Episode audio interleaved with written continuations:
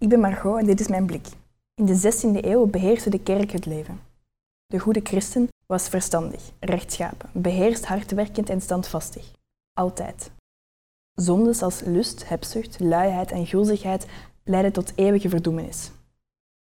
Carnaval was vluchten, een uitlaatklep.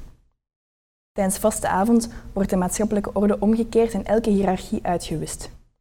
Narren en zotten worden paus, dienaar wordt meester. De chaos zegevierende mens mag zich voor één keer overgeven aan zijn verlangens. De innerlijke waanzin voor één avond bevrijd. De kerk onderdrukte. Haar juk afleggen heeft ons vrijer gemaakt. Maar die winst in vrijheid deed velen zoeken naar de zin van het leven. Ik ken zoveel mensen die dag in dag uit leven met een verdovend gevoel van zinloosheid. Ken jij ze ook? Atheïsme betekent niet geloven in God. Voor velen wil dit zeggen niet geloven in leven na de dood, in objectieve ethiek, in rechtvaardigheid. Ben je gelukkiger als je niet gelooft?